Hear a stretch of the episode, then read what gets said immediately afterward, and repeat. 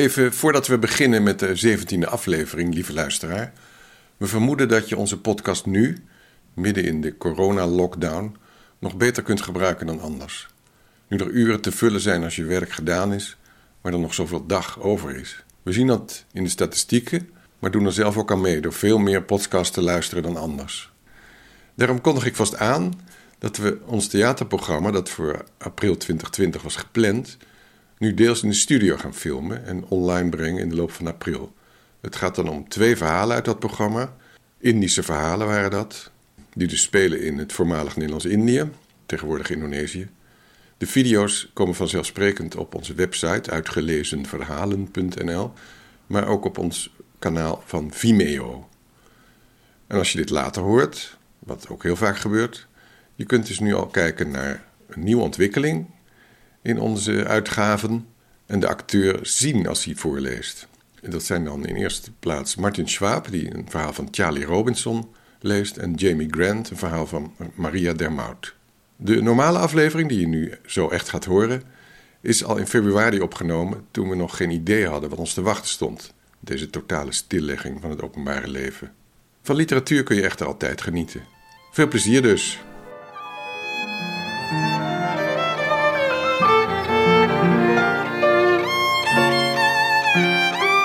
Dit is de 17e aflevering van de podcastserie Uitgelezen Verhalen Literatuur ontmoet theater. Fijn dat je luistert. Vandaag hoor je een prachtig verhaal uit de Spaanstalige literatuur van Juan Gabriel Vázquez, De Terugkeer. Voorgelezen door actrice Jardine Roos.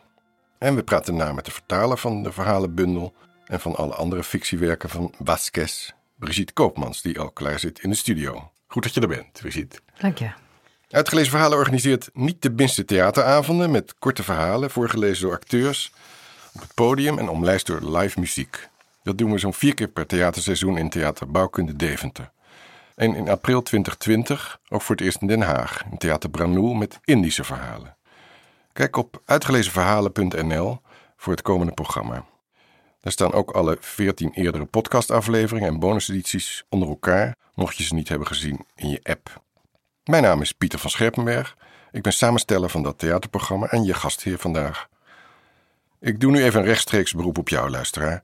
Of je nou alle eerdere afleveringen al hebt gehoord of niet, laat weten wat je van onze podcast of deze aflevering vindt.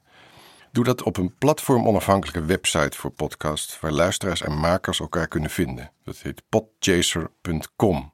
Dus vergeet Apple Podcast, waar de meesten van jullie ook helemaal geen gebruik van maken. Surf dus naar podchaser.com na afloop van deze aflevering en zoek uitgelezen verhalen op. Geef je waardering in sterren of nog liever in woorden.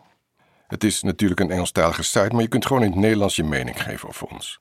Of andere shows uit Nederland die je goed vindt. Ook inhoudelijke kritiek juichen we toe, geloof me. Denk niet, een ander doet dat wel, die sterren uitdelen, want dat is niet zo. Je weet toch, je staat er alleen voor in deze wereld. En het is een kleine moeite, als dank voor het moois dat je te horen krijgt. Genoeg gebedeld nu, hè? Eerst maar eens presteren. Het verhaal dat je gaat horen van Vasquez staat in zijn bundel De Geliefde van alle Heiligen in 2018 verschenen bij uitgeverij Signatuur. Juan Gabriel Vasquez is een Colombiaanse schrijver die vrij lang in Europa heeft gewoond. Zijn bekendste roman is Het Geluid van Vallende Dingen, waarmee hij verschillende internationale prijzen won. Naast fictieschrijver is hij ook maatschappelijk actief. Hij schreef talloze journalistieke stukken en politieke commentaren. Bedenk me nu dat schrijven natuurlijk ook een maatschappelijke activiteit is. Dus ik heb het niet helemaal goed verwoord. Maar in elk geval, hij doet naast fictieschrijven ook andere dingen. Dat is eigenlijk wat ik wilde zeggen. Um, zijn fictie is beïnvloed door Marquez, Vargas Llosa en Fuentes, maar ook Chekhov en Alice Munro. De actrice die het verhaal De Terugkeer onlangs voorlas in onze voorstelling op 14 februari 2020 is Jardine Roos. Ze heeft haar acteursopleiding in Tel Aviv gekregen en speelde bij verschillende Nederlandse theatergezelschappen zoals Carousel en Het Bos. Ze was ook te zien in langlopende producties als Anne en Fiddler on the Roof. Op televisie kon je haar recent zien in Goede Tijden, Slechte Tijden onder meer. Dus graag je aandacht voor Juan Gabriel Vasquez, verhaal De Terugkeer, voorgelezen door Jardine Roos. Dit gebeurde er toen Madame Michaud uit de gevangenis kwam. Het was op Lehoux, het landgoed van de familie Michaud, maar geen enkele Belgische krant deed er verslag van. De vroegste episodes van deze geschiedenis dateren van 39 jaar terug en werden destijds overal besproken. Maar behalve de familie zal niemand zich dat nog herinneren.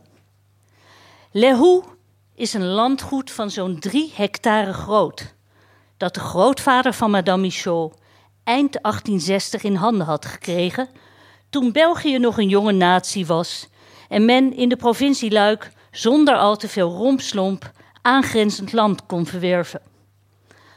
Madame's vader en grootvader waren er opgegroeid en er hun hele leven blijven wonen. Madame Michaud zelf en haar jongere zus Sarah waren er geboren en opgegroeid en ook zij hadden er hun leven lang gewoond, totdat Madame Michaud in september 1960, kort na haar 40ste verjaardag, het landgoed was inmiddels een eeuw het embleem en de trots van de familie, terecht stond voor de moord op Sarah's aanstaande. Ze werd schuldig bevonden aan vergiftiging met het rattengif dat in de stallen van Lehoux werd gebruikt en werd veroordeeld. Madame Michaud's voornaam is verder niet van belang, maar haar achternaam en burgerlijke staat behoeven enige verduidelijking. Michaud was haar familienaam zoals die bij de toegang tot het landgoed vermeld stond. Lehoux, propriété privée, famille Michaud. Tot die bewuste septembermaand was Madame Michaud nog Mademoiselle Michaud. Ze had nooit verkering gehad en er waren maar weinig mannen die na een eerste keer nog terugkwamen. Toch kon niemand uitsluiten dat ze, ook al was ze al veertig, nog in het huwelijk zou treden, want het landgoed Lehoux was een uitstekende bruidschat die beide zussen tot een aantrekkelijke partij maakte. Toen echter bekend werd dat mademoiselle Michaud tot 45 jaar gevangenisstraf was veroordeeld, begonnen de mensen haar madame te noemen, waarin zowel respect en medelijden tot uiting werden gebracht, jegens iemand die niet meer zou kunnen trouwen en die men onmogelijk juffrouw kon blijven noemen terwijl ze in de gevangenis ouder werd. Madame Michaud kwam zes jaar eerder vrij dan verwacht. En het eerste wat ze zou doen, dat wist iedereen, was een bezoek brengen aan Lehoux. De liefde die ze van kinds af aan voor dat huis en de stallen gekoesterd had, voor de akkers en bossen en zelfs voor de braakliggende velden aan de provinciale weg, die grenzeloze liefde zou ook haar ondergang worden. Vanaf het moment dat ze kon lopen, verkende ze het liefst in haar eentje alle uithoeken van het huis. Ze kende alle verborgen plekjes in het gigantische pand en wist er blindelings de weg. Voor wie het huis van Lehoux niet kent, lijkt dit misschien niets bijzonders. Daarom moet ik erbij zeggen dat het twee verdiepingen telde en dat er zowel vanuit de keuken als vanuit de hal een trap naar boven liep en er ook nog een trap was die direct naar de zolder ging. Van buiten gezien was het een volmaakte rechthoek, een strak omlijnd blok, een soort kluis. Maar de indeling van binnen was grillig, met overal nissen en verrassende hoekjes. Er was een ruimte zonder deur waar je via de valse achterkant van een kast binnenkwam. Daar had haar grootvader rond de eeuwwisseling zijn aardappel- en kooloogsten verstopt om de prijzen op te drijven. En haar vader had er tijdens de Tweede Wereldoorlog een Joods stel laten onderduiken. In de periode ertussen was het haar meisjeskamer geweest. Ze was van nature erg op zichzelf. Haar eigen zus wist niet eens waar ze haar kon vinden wanneer ze aan tafel gingen of als iemand haar nodig had. Als ze naar hooi en mest rook, dan wisten ze dat ze in de stallen had gezeten. Zaten er haken van dennenappels en onuitwisbare harsvlekken in haar kleren, dan wisten ze dat ze de hele ochtend in de bossen had gespeeld. Toen ze groter werd, begonnen haar ouders zich zorgen te maken. Mademoiselle Michaud werd naar diverse artsen en zelfs naar een leerling psychoanalyticus gestuurd. Want de mensen konden er met hun verstand niet bij dat een jonge meid van 19 de hele dag in haar eentje doorbracht in plaats van met vriendinnen. Niemand begreep waarom ze nooit op dezelfde plek in het enorme huis te vinden was. Niemand begreep waarom ze hele zomers lang over de drie hectare land zwierf als een kat die al sproeiend zijn territorium afbakent. Toen de oorlog uitbrak, kreeg mademoiselle Michaud ineens een belangrijke taak op Lehoux. Als tijdens de nachtelijke bombardementen in het hele land de stroom werd afgesloten, opdat de vliegeniers hun doelwitten niet konden lokaliseren, was zij de enige die in het donker dingen terug kon vinden en indien nodig het hele land goed over kon steken om de paarden te voeren of de huismeester een boodschap door te geven.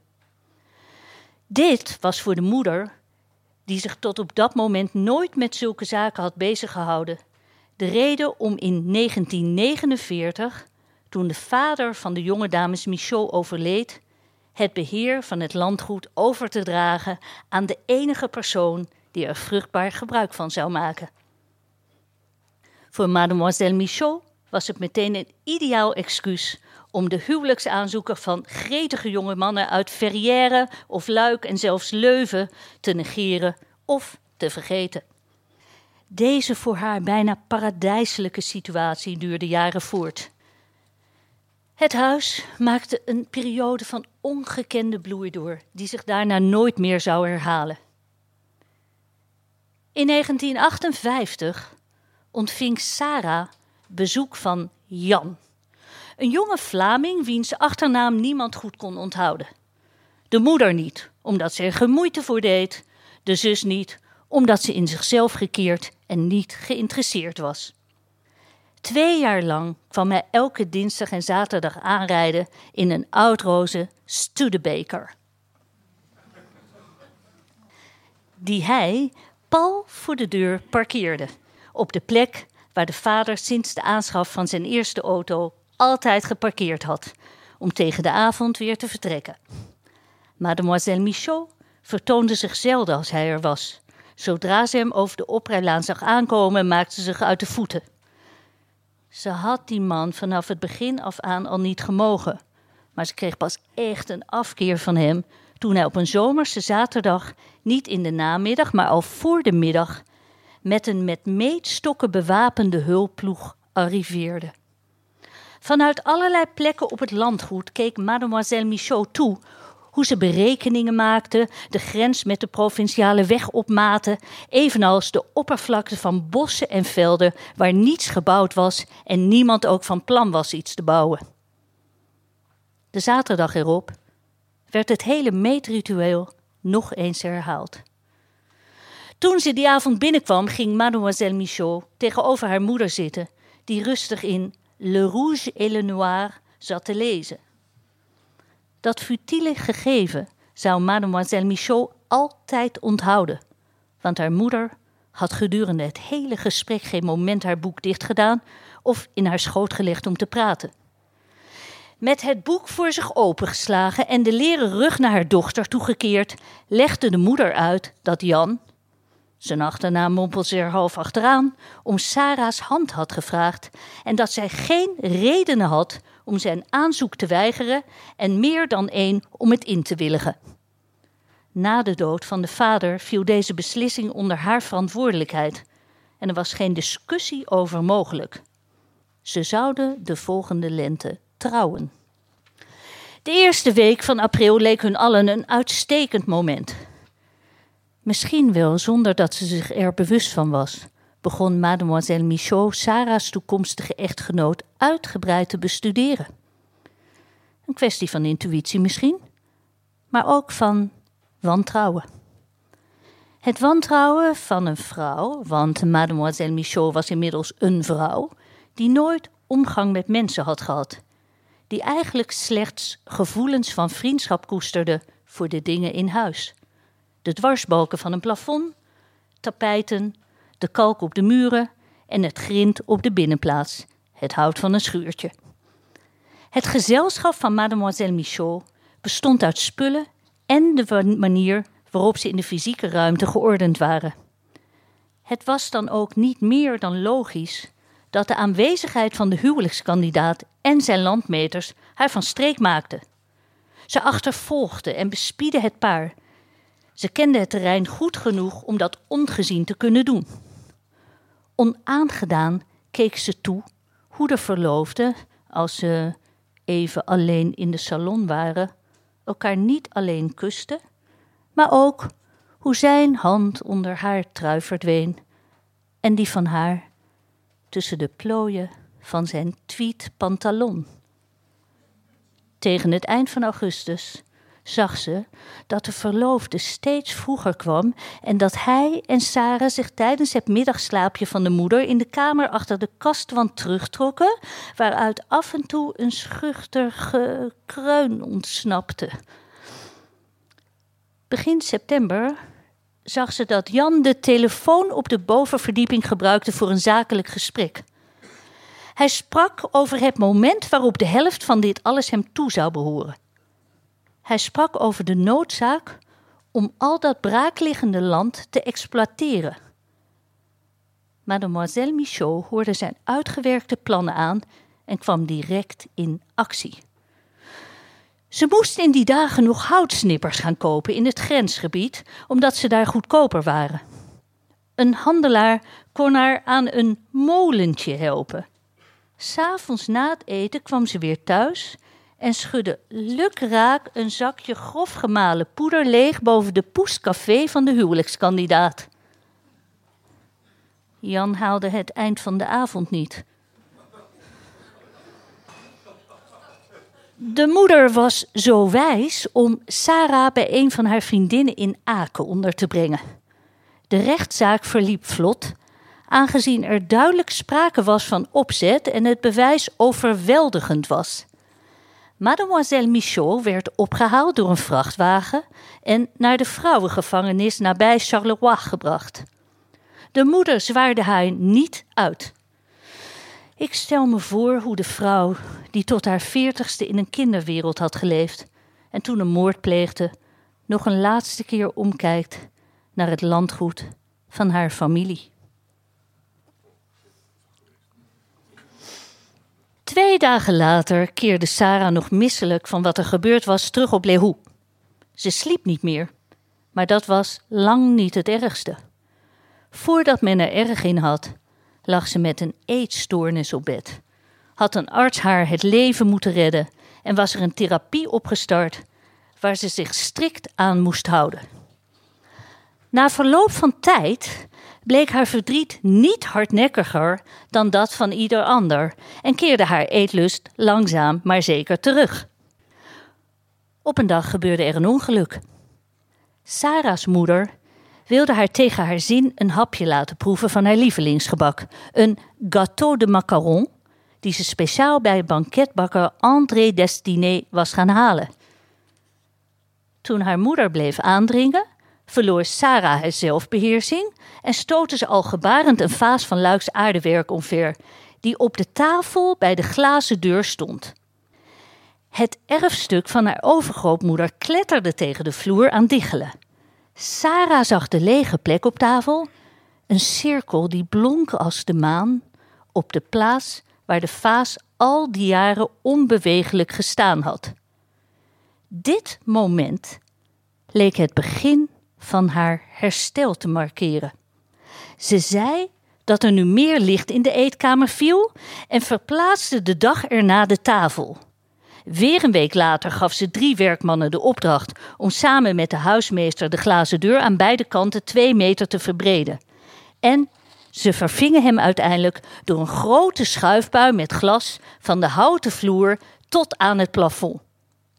Van Madame Michaud, want zo werd ze in de volksmond inmiddels genoemd, vernamen ze al die tijd niets.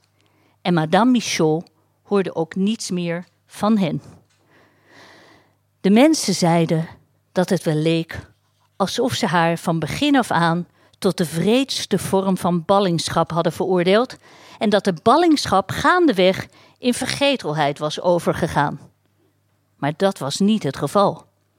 Sarah was nooit vergeten dat haar zus in de cel zat omdat ze de man had vergiftigd die haar gelukkig zou maken. Madame Michaud was op haar beurt niet in staat de schuld die men haar aanrekende of berouw over haar daden te voelen.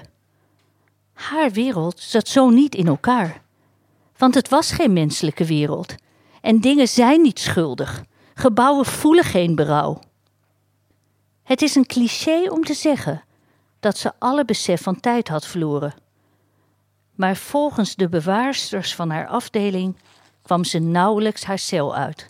Had ze zelden contact met haar medegevangenen en gingen zowel de ontwikkelingen binnen de gevangenismuren als de revoluties daarbuiten volledig langs haar heen. Opgesloten in de piepkleine ruimte van haar cel kwam Madame Michaud niet te weten dat haar moeder in de winter van 1969 een natuurlijke dood was gestorven en dat zij op haar sterfbed haar had vergeven. Zou dat haar goed gedaan hebben?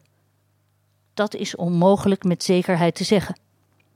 Volgens haar celgenoten, die de hoop op een gesprek al snel had opgegeven, was Madame Michaud, haar haren grijzend, haar dunne huid langzaam uitdrogend als een bladderende berkenbast, alleen maar continu in de weer met een vel papier dat ze over de vloer uit en weer oprolde.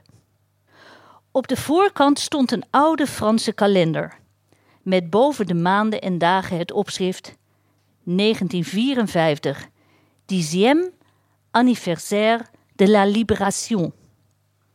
Op de achterkant had Madame Michaud met potlood een plattegrond van Lehoux getekend, zo gedetailleerd dat haar celgenoten, toen ze hem voor het eerst zag, verrast uitriep dat ze die plek kende. Dat was niet het geval, maar de details waren zo precies dat ze het van haar geheugen wonnen. De illusie, voor de andere gedetineerden van tijdelijke aard, was voor Madame Michaud volmaakt. Op deze plattegrond leefde ze gedurende die jaren van opsluiting, zich niet bewust van het feit dat ze ouder werd. Het is niet zo moeilijk voor te stellen hoe ze daar gebogen zit, over wanden die slechts uit dikke potloodlijnen bestonden, haar in de waan te zien verkeren dat ze zich verstopte achter muren die niet van baksteen en cement waren, maar nauwkeurig gearceerd met een schuin gehouden potlood. Ik vermoed dat, paradoxaal genoeg, juist het voorbeeldige gedrag van gedetineerde Michaud ervoor zorgde dat de gevangenisleider in Charleroi geen oog voor haar had. Gedurende de laatste jaren van haar gevangenschap leek iedereen haar te zijn vergeten. De vraag dringt zich op of ze niet veel meer jaren aftrek had gekregen als ze eerder zelf een officieel verzoek had ingediend. Op het moment dat werd besloten dat ze vervoegd vrij mocht komen, moest ze nog zes jaar uitzitten. Maar tien jaar eerder was haar waarschijnlijk ook gratie verleend. Gedurende dat hele leven in opsluiting als veroordeelde voor moord was haar gedrag hetzelfde geweest. In december 1998 moest Madame Michaud naar de César Frankzaal van de gevangenis komen, waar ze een aantal vragen moest beantwoorden over haar bereidheid om terug te keren in de maatschappij en zich nuttig te maken. Aan het einde van het gesprek werd haar gevraagd of ze liever voor of na de feestdagen werd vrijgelaten. En nu de vrijheid gloorde, wilde Madame Michaud geen dag langer in de gevangenis doorbrengen. De gevangenisambtenaren stopten een envelop met 3000 frank in biljetten van 500 tussen haar bezittingen. De kleding waarmee ze gekomen was en een kalender met op de achterkant de plattegrond van een huis. Op 19 december overnachtte Madame Michaud in een motel in Charleroi. Er stond niemand op haar te wachten bij de gevangenispoort. En voordat het licht werd, stond ze al klaar om naar Les terug te keren. Madame Michaud was inmiddels 79 en sliep nog maar nauwelijks. Bij het eerste daglicht werd ze al wakker. Ze hoefde de taxichauffeur niet uit te leggen waar het landgoed van haar familie lag. De taxi reed langzaam de oprijlaan op. die glad was van sneeuw en ijzel. Madame Michaud veegde de condens van het raam om het huis, haar huis, te kunnen zien. Waarschijnlijk in de veronderstelling dat ze de voordeur open zou doen en het zou zijn alsof er geen dag was verstreken. Ze stapte uit en vergat de taxichauffeur gedag te zeggen. Misschien omdat ze voelde dat er onder de sneeuw geen grind meer lag, maar kiezels. Ze liep niettemin verder en stak haar hand instinctief uit naar de plek waar de deurklopper altijd had gezeten. Maar ze greep in het luchtledige. Het moet haar onwezenlijk zijn voorgekomen dat ze naar het sleutelgat moest zoeken en pas bij de tweede keer proberen het slot open kreeg. Ze moest rekening houden met de mogelijkheid dat ze onderweg niet goed had opgelet, dat de chauffeur haar bij een ander huis had afgezet. Ze blikte om zich heen. Haar gezicht stond ontredderd. Madame Michaud voelde zich gedesoriënteerd.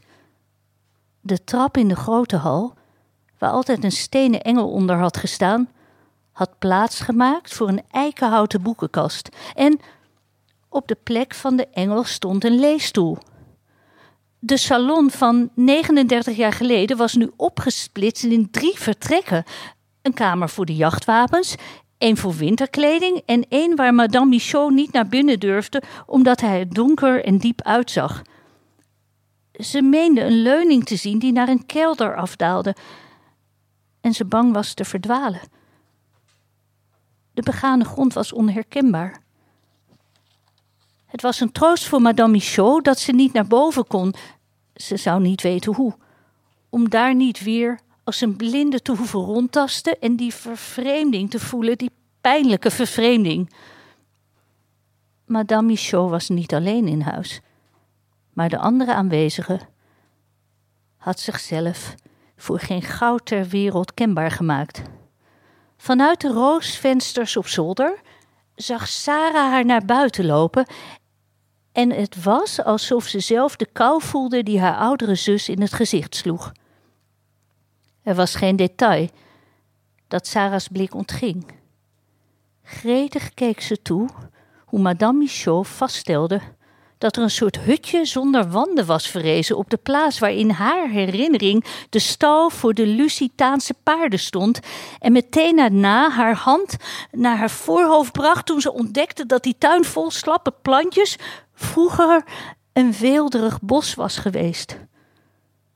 Ze was blij dat de taxi nog stond te wachten, want ze wist niet of ze de weg terug nog wel had kunnen vinden over al die nieuwe paden, naar al die nieuwe bijgebouwen die Sarah in de loop van 39 jaar met het geduld van een kunstenaar had laten ontwerpen en optrekken, veelal niet eens bewoond of anderszins in gebruik, omdat ze daar uitsluitend stonden om een herinnering of een oude liefde van Madame Michaud te vervangen, om ervoor te zorgen dat zij zich nu op de achterbank van de taxi zou afvragen waar ze naartoe moest, welke plek er voor haar in de wereld nog was.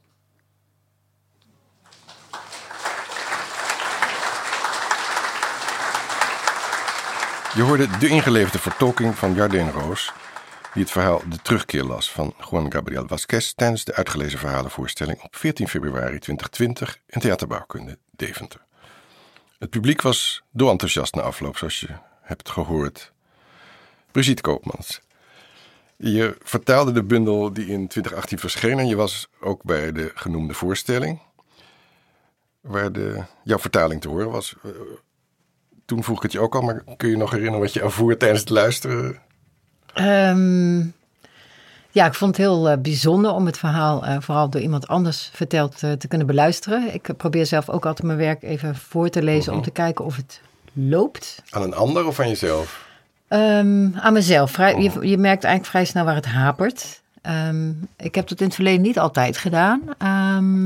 en ik, ik merkte ook bij, het, bij het voorlezen, ik dacht, hé, hey, hier had het ietsje beter gekund. Of daar had het ietsje vloeiender gekund. Maar dan moet ik ook bij zeggen dat een schrijver ook niet altijd vloeiend schrijft. En we zijn toch dienstbaar aan de auteur als Ja. vertaler. En soms is dat zelfs bewust, hè? Dat niet vloeiend schrijven. Dat is niet altijd eh, per ongeluk. Ja, er zit bijvoorbeeld over die, die, die, die moord. Is er, is er wat vaagheid in eh, die passage, herinner ik me. Waarin het niet helemaal duidelijk is of ze nou wel gif of niet in die poescafé doet. Maar in elk geval, het slachtoffer overleefde de avond niet, schrijft hij dan. Dus dat Dus dat is helder. Ja, Ja. maar het zijn lekker gemalen houtsnippers te zijn of zo, zoiets. Ja, er zit een grote gezegd. ellips. Ja. Daar zit een grote sprong Ja. eh, in de informatie. Maar dat, ja, het is, eh, hij maakt in het Spaans ook die eh, sprong. En Ja. hij vraagt toch van de lezer van... hey, denk even terug naar die eerste passage waarin ik dat rattengief Ja. noemde. Dus dat mag je zelf Moet je dat maar... invullen. Ja. Het, het is een vrij lang verhaal en ook een uitdaging voor een acteur om het publiek te blijven boeien. Had je de indruk dat Jardin daarin slaagde die avond? Eh, ja. ja. Ik vond het eigen- knap verteld. Ja. Ja, het is eh, best moeilijk voor te lezen ook. Mhm. Lange Vasquez zinnen. gebruikt lange zinnen, Ja. complexe zinnen. Dus het is, ja, het is best een kunst om dat Mhm. goed voor te dragen. En ehm, ik was zelf heel geboeid, terwijl ik het verhaal natuurlijk al best, eh, best goed ken. Ja. Dus eh, ik vond toch eh, dat ze daar goed in geslaagd was. Ja. Ja, ik kreeg dat ook wel terug naar afloop inderdaad. En ehm, ik heb het verhaal eerst daarna voorgelegd voordat ik zeker wist dat ze het ging doen. Omdat het een kluif is. Hè. Je, je, moet, je moet dan in ieder geval iets hebben met een verhaal. Wil je het, wil je het gaan voordragen. Dus ik heb ook de vrijheid gegeven van nou, als je, als je denkt dit is, hier heb ik niks mee. Of dit is, zo lang hou ik niet vol om het, dat ze het kunnen weigeren. Maar ze zei nou nee, ik wil het heel graag doen. Dus het was voor haar ook meteen een, een, eh, zat er een rapport mee. Dat is mooi om te ja, horen. Ja. Ja, Nou, dat heeft zich eh, getoond. Ja. Eh, te- fijn voor af en toe voor te dragen. Ja. Eh, in die bundel, die spelen alle verhalen in, in de Ardennen, Belgische Ardennen. En dat vond ik eigenlijk een vreemde locatie voor een Zuid-Amerikaan. Heel bijzonder, ja. Hoe, hoe is hij daarop eh, uitgekomen? Vasquez is in zijn eh, jonge jaren is die, ehm, eh, gaan studeren in eh, Frankrijk. Hij wilde daar eh, le- eh, letterkunde gaan studeren aan de Sorbonne in Parijs. En hij had het vaste voornemen om, om schrijver te worden. Ehm, zijn universitaire carrière heeft hij bij mijn weten niet afgemaakt. En hij maakte daar ook nog een lastige periode door met allerlei lichamelijk ongemak. En hij raakte een beetje in een crisis. En is toen ehm, eigenlijk op aanraden van vrienden, geloof ik, als ik het goed heb eh, onthouden, is hij eh, een jaar in de Ardennen eh, op een soort, bijna een soort retraite Ja. gegaan. En daar heeft hij het leven geleid van, van iemand die daar in het buiten woont. Hij heeft veel gejaagd, maar hij heeft ook heel veel gelezen. En het is absoluut een heel vormende periode geweest voor hem als schrijver. Hm. Op een buiten als Leeuw in het verhaal zou je kunnen inbeelden. Ja, wie weet, ja. ja. Ja, dus daar, heeft hij dan ook wel zijn, zijn inspiratie waarschijnlijk voor op, uit opgedaan voor die verhalen. Jazeker, hij heeft alle inspiratie voor die verhalen daar uit de Ja. directe omgeving eh, gehaald. Ja. hij woonde zelf in een heel klein eh, plaatsje, Ch- Chori, als ik het goed uitspreek, met een X. Dus eh, ik, heb, ik ben zelf ook naar, de, omge- naar die eh, plek eh, geweest Oh. om eens rond te kijken Ja. hoe het er daar uitzag en welke straten die, de straten zijn. Echt, Die bestaan. En niet alles bestaat hoor. Het is altijd een mengeling bij hem. Ja. Dus ik ben er weer een beetje gaan rondkijken Ja. om de sfeer te proeven. Ja. ja, dat titelverhaal heb ik ook recent herlezen. Dat vond ik ook heel prachtig. ja. Over een uit elkaar vallend echtpaar. Het is een, een, een, een relatie die op zijn eind loopt. Maar het- geen van beiden wil dat eigenlijk toegeven. Lees Ja, het is geen vrolijke bundel. Nee, nee. Maar, en toch heeft hij iets troostends. Eh, het heeft ook, ook een soort, soort bes- be- iets be- geborgens van, Mhm. van het leven in de Ardennen. Het, Ja. het kleine leven en, en, en huizen met, met open haard. En, ja, het heeft Is iets het- troostrijks en iets treurigs tegelijk. Ja. Wat, wat voor mij de Ardennen eigenlijk ook... Ik vind dat hij heel goed de sfeer van de Ardennen heeft gevat in het boek. Ja. Is het ook een reactie? Want hij komt natuurlijk uit een zeer gewelddadige eh, land. Ja. Wat in, in zijn beroemde roman ook eh, echt naar voren komt. Wa- Was hij daaraan toe ook, denk je, in, op dat moment in zijn leven dat hij die, die Ja. geborgenheid zocht? Ik krijg eigenlijk wel kippenvel van deze vraag. Want eh, hij heeft in veel interviews naar aanleiding van zijn roman Het Geluid van Vallende Dingen... Ja. heeft hij ook verteld, ik ben daar in de jaren tachtig groot geworden. Ik was toen een tiener. Mhm. En hij heeft eigenlijk de hele geweldsperiode met alle bomaanslagen van, uh, van het, uh, het drugskartel van Pablo Escobar en zo Ja. heeft hij meegemaakt. Uh, avonden dat ze niet weg konden, dat ze bij vrienden moesten blijven logeren, dat het te gevaarlijk was om op straat te zijn. Dus hij heeft daar een behoorlijke tik van meegekregen. Mhm. Dus ik kan me voorstellen wat jij zegt, dat dat misschien wel het geval is. Ja. Ik heb het hem niet persoonlijk gevraagd, dus het is wel een invulling, maar ik kan me wel voorstellen, ja. ja. Ja, ik zei al, je hebt al zijn boek in, in, het, in het Nederlands vertaald inmiddels. Bijna, ja. die, we uit, die je uitgever uit wilde brengen, zullen we maar zeggen. Ja, ja. Hoe is hij op je pad gekomen? Heb je hem zelf gescout of is hij via... Heeft de uitgever de recht gekocht en heeft toen jou daarbij gevraagd? Of? ja, het, het is uh, via uitgeverij uh, Signaturen Ja. gegaan van begin af aan. Nelleke Geel was daar toen nog uh, uitgever. Mhm. Um, en zij heeft Baskes ontdekt, of in elk geval ja, voor Nederland uh, aangekocht. Mhm. En heeft toen mij als vertaler daarbij gevonden. Ja. En dat Leuk. bleek een fijne samenwerking. Ja. Want welke andere Spaanse schrijvers eh, vertaal je? Ik heb... Um, Allende, weet ik. Isabel Ja, Allende. De Ver Verleden. ja, daar, daar is mijn carrière een beetje mee begonnen. Ja. Marcelo Figueras heb ik uh, vertaald. Dat is een Argentijnse uh, auteur. Uh, Jorge Franco, ook een Colombiaanse auteur, heeft ook een prachtige korte roman geschreven over geweldsperiode in, uh, in Colombia, Rosario. Over een jonge huurmoordenares. De, ja, de, de boeken van uh, Figueras uh, zijn me heel dierbaar. Mhm. Hij, um, hij heeft een tomeloze verbeelding. En misschien is zijn stijl niet de beste, maar ik, ik hou heel erg van zijn verbeeldingskracht. Ja. Um, Rosa Montero heb ik een roman van vertaald. Ja, nog wel meer dingen. Ik ben eventjes... Uh, ja. Ik was zo Vasquez gericht. Ja, ja dan, dan ja, weer terug naar Vasquez. Hoe, eh, is er een grote lijn in zijn, in zijn werk aan te, werken, aan te wijzen? Want je hebt dus veel van hem heel nauwkeurig gelezen om het goed te kunnen vertalen. Mm -hmm. Heb je ook een lijn ontdekt of is die te vangen? Ja, het is uh, wel in ieder geval heel duidelijk dat hij um, um, steeds meer um, naar zijn eigen leven toegegroeid is met zijn, uh, Mhm. oh. met zijn schrijfwerk. Dus het is eigenlijk steeds persoonlijker geworden. En tot, totdat hij in zijn laatste roman zelfs uh, De vorm van ruïnes... Um, hele dikke pil over de geschiedenis van Colombia schrijft... Ja. maar ook over zijn persoonlijke leven. Dus uh, wat er met hem zelf is gebeurd en zijn kinderen.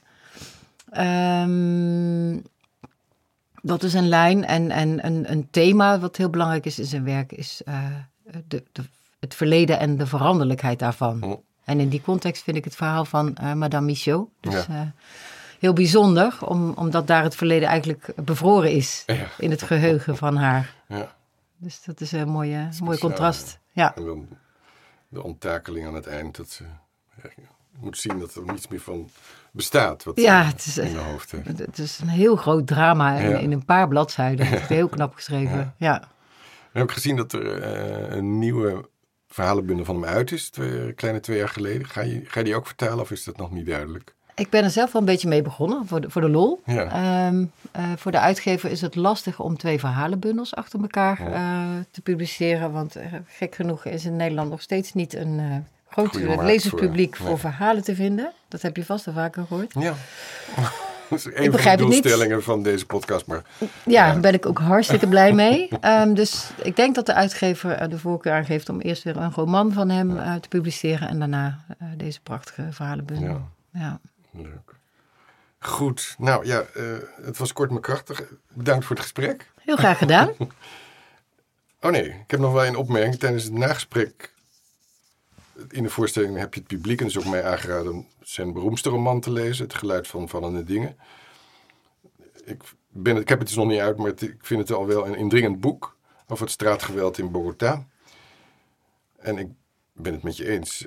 Behalve de bijzondere verhalenbundel is die roman ook uitermate de moeite waard. Je krijgt inzicht, inzicht in het gevoels- en gedachtenleven van een lector aan de universiteit. Die een akelige aanslag op een vriend overleeft waar die naast loopt. Dus dank voor de tip en voor dit gesprek. Graag gedaan. Prachtig boek, ja, yes. zeker. Zo luisteraar. Hiermee sluiten we deze aflevering af, maar niet zonder je nogmaals te vragen. Ga nu sterren uitdelen en schrijf een bespreking op podchaser.com. Deze aflevering is mede mogelijk gemaakt door de gemeente Deventer en het Prins Bernhard Cultuurfonds Overijssel. Aan deze aflevering werkte mee Juan Gabriel Vasquez, Brigitte Koopmans, Floor Minnaert voor de opname, Dirk-Jan van Ittersum voor de montage. De herkenningsmelodie is van Instant Classical, Amir Swaap en Sietse van Gorkel. Ik was, en ben nog steeds, Pieter van Scherpenberg. En gids je deze 17e aflevering. Graag een volgende keer weer.